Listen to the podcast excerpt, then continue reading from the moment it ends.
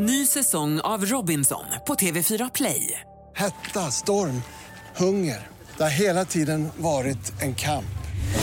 Nu är det blod och tårar. Fan händer just nu. Det. är Detta är inte okej. Robinson 2024, nu fucking kör vi! Streama söndag på TV4 Play.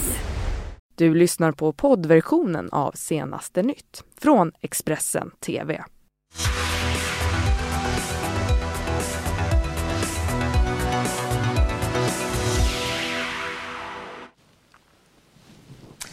Välkommen till senaste nytt, nyheter här i Expressen TV. Jag heter Jenny Pierrot. Mm, och jag heter Johanna Gräns. Det här är morgonens eh, topprubriker. Idag avslutas mötet mellan Donald Trump och Kim Jong-Un. Men båda ledarna ja, de tonar ner förväntningarna. Palmeutredningens nya huvudspår i jakten på Palmes mördare. Och svart dag för skidsporten och eh, stor besvikelse mot Österrike efter ännu en dopingskandal. Ja, det är våra rubriker denna torsdag den 28 februari. Men vi tar och börjar alltså i Vietnam och Hanoi där USAs president Donald Trump eh, nu har hyllat Nordkoreas brutala diktator Kim Jong-Un och han kallar han sin vän och kallar också honom för en stor ledare vid upptakten till toppmötet igår. I think that your country has tremendous economic potential, unbelievable, unlimited. And I think that you will have a tremendous future with your country, a great leader. And I look forward to watching it happen and helping it to happen. And we will help it to happen. Och även om stämningen verkar god eh, mellan de två eh, världsledarna så är det ju högst osäkert om smicker från Trumps sida kommer att få Kim Jong-Un att skrota sin kärnvapenarsenal. Klockan tre i natt svensk tid så påbörjades det formella mötet eh, och planen är att en överenskommelse ska vara klar klockan tio idag. Vi ska nu prata med Ivan eh, Watson, reporter på vår partnerkanal CNN på plats i Hanoi. Good morning and welcome to Expressen TV. Mm. Uh, Donald Trump's goal is for Kim Jong un uh, a disarming of nuclear weapons. To succeed, Trump have made a promise to ease economic uh, sanctions against North Korea, but um, Kim Jong un has spent years building up uh, the nuclear weapons uh, program. How much is expected to get solved uh, by this meeting? Yeah, we don't really know. Of course, it's the second time these two leaders uh, are meeting face to face. Uh, we are told by the White House that they're expecting some kind of a signing ceremony for uh, a joint statement uh, this afternoon here in Hanoi. So they are expecting something to be done.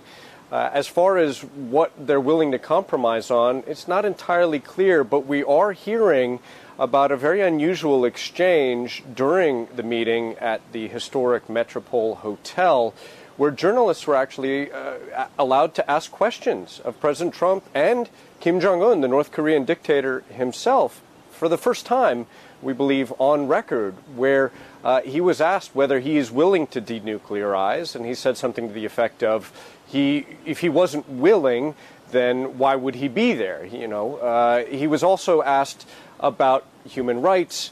President Trump stepped in there and said everything could be discussed.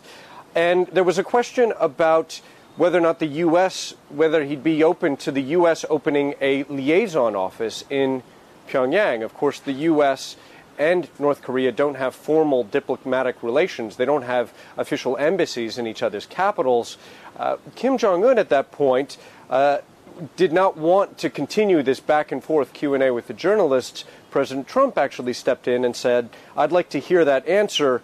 And Kim at that point said uh, that could he could, could be he could welcome that option, and President Trump then said that's a good idea. So that suggests one of the issues on the table might be the possibility of opening liaison offices. Uh, that might be a step forward for these two governments. So, what is uh, Trump's uh, strategy to get what he wants during this summit?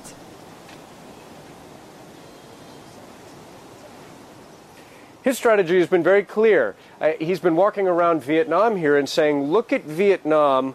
It is one of the fastest growing economies in Asia, and it used to be an enemy of the U.S. Of course, in the, in the terrible Vietnam War, this could all be yours if you just give up your nuclear arsenal. That's a message that's been echoed by the Vietnamese hosts as well. That said, North Korea has invested an enormous amount of capital in its nuclear arsenal. It has uh, suffered through economic and political isolation in pursuing these nuclear weapons. And uh, it, if it is to give up these nuclear weapons, uh, it would expect a, a great deal of guarantees, at the very least, in return. I think it's worth adding that in comments today, President Trump seems to be lowering expectations yet again about a grand bargain with North Korea. Uh, he has said that if a big deal comes, it may not come in one or two days. Uh, he has also said that speed is not important here. So he seems to be suggesting that this is still the beginning of a process, uh, and thus we may not anticipate what the Trump administration has called for in the past, which is complete, irreversible, verifiable denuclearization. In 2018, the leaders of North uh, and South uh, Korea has promised after a landmark summit to bring lasting peace to the peninsula. In it, and it's also speculated uh, that this meeting today will push this even more further. Uh, do we know anything more uh, about that?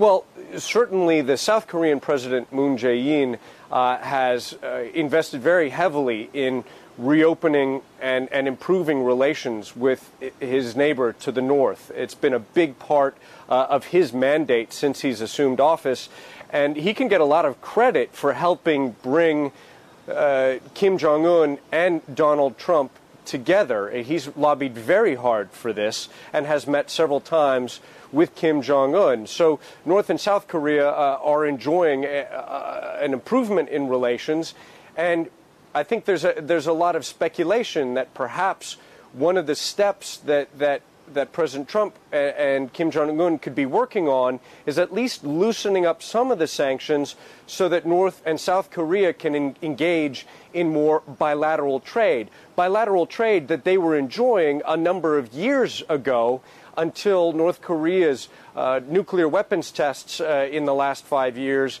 and missile launches uh, resulted in uh, a strengthening of economic sanctions and an economic blockade around North Korea, a blockade that Pyongyang would very much like to see removed. Thank you so much, Ivan Watson, for being with us here on Expressen TV directly from Hanoi.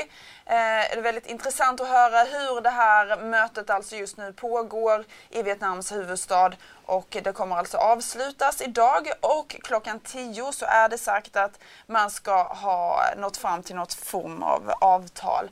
Och vi kommer att eh, fortsätta att följa detta. Nu så länge så ska vi gå över till en eh, 33 år lång Palmeutredning. Ja men det stämmer ju bra det. Fallet som alla vet är ju fortfarande olöst. Utredningen den eh, fortsätter eh, som den gjort eh, som sagt i 33 år.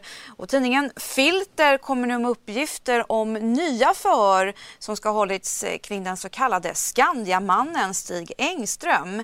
Minst ett nyckelvittne från mordplatsen ska ha förhörts under hösten med specifika frågor om just Stig Engström. Tidningen de berättar också att förhör ska ha hållits eh, med en man som hyrde ut en skidstuga i Dalarna till Engström och hans fru veckan efter mordet på Olof Palme. Och enligt den här stugägaren uppgav förhörsledaren att just Stig Engströms inblandning är det huvudspår som man just nu arbetar med. Ja. Det som är intressant är ju förstås framförallt vad eh, som sägs till den här stugägaren från eh, palmutredarna. Eh, han, den här stugägaren var ju branschkollega med Skandiamannen, gjorde en del jobb på uppdrag ifrån Skandia och blev ju bekant med Stig Engström. Hyrde ut, eller lånade ut sin stuga ska jag säga, till eh, Skandiamannen veckan efter mordet begicks. Och eh, jag har haft kontakt med honom tre gånger sammanlagt under åren. Och eh, han har ju varit väldigt skeptisk till eh, Engström som gärningsman. Han tycker att han är fel personlighetstyp. Eh, nu blev han förhörd i juni angående eh, vad, vad som hände då under den här perioden och hur han kände Engström och så här. Och det han får veta utav utredarna är ju att eh, Engström är huvudspåret helt enkelt. Att han är den troligaste gärningsmannen. och eh, under tiden det här förhöret förlöper så eh, visar han ju prov på samma misstro mot det som han har gjort när jag har pratat med honom. Och eh, Eh, det slutar ju med då att, att eh, utredarna i något försök att få honom att ta det här lite mer på allvar eh, avslutar med att du tror inte att det är Engström men det ska du veta att det här fallet är snart uppklarat. Ja, ungefär så säger de. Och Ja, där hörde vi alltså Filters journalist Thomas Pettersson berätta om kopplingen mellan stugägaren och Skandiamannen alltså och den som har avslöjat detta. Vi ska se om vi ska gå vidare till att eh, författaren, eller förlåt, vi går vidare till EU-migranter som en 39-årig man från Bulgarien alltså dömts till fyra år och åtta månaders fängelse av domstol i Ungern. Det här rapporterar alltså den ungerska nyhetsbyrån MTI, det skriver TT om. Han döms för människohandel i samband med det uppmärksammade fallet 2015 då 71 migranter som har tagit sig till Europa via människosmugglare kvävdes till döds i en lastbil. Människorna hittades döda vid en motorväg strax söder om Wien i Österrike och nyheten uppmärksammades stort i medier och över hela Europa.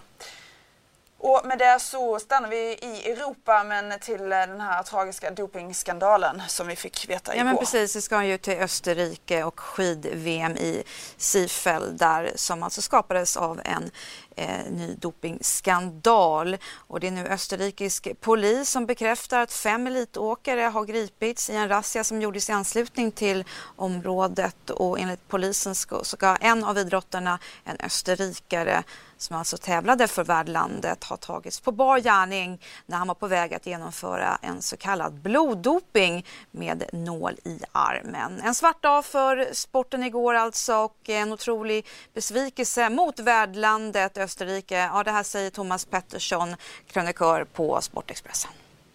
Ja, om Österrike kämpade för att bygga upp något slags anseende efter eh, Johannes Dyre-skandalen till exempel så har de misslyckats fullständigt.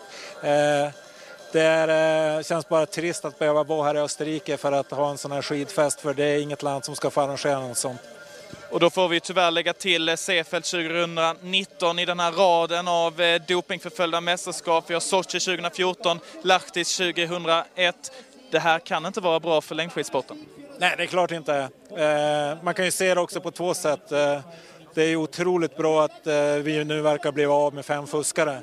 Men det tråkiga är att vi fick ett solklart besked om att de finns fortfarande där ute och de är ganska många. Mer om det på sportexpressen.se och eh, här i Expressen eh, så rapporterar vi om nyheter löpande här under hela dagen som vanligt. Det gör vi. Eh... Tack så mycket för att ni är med oss.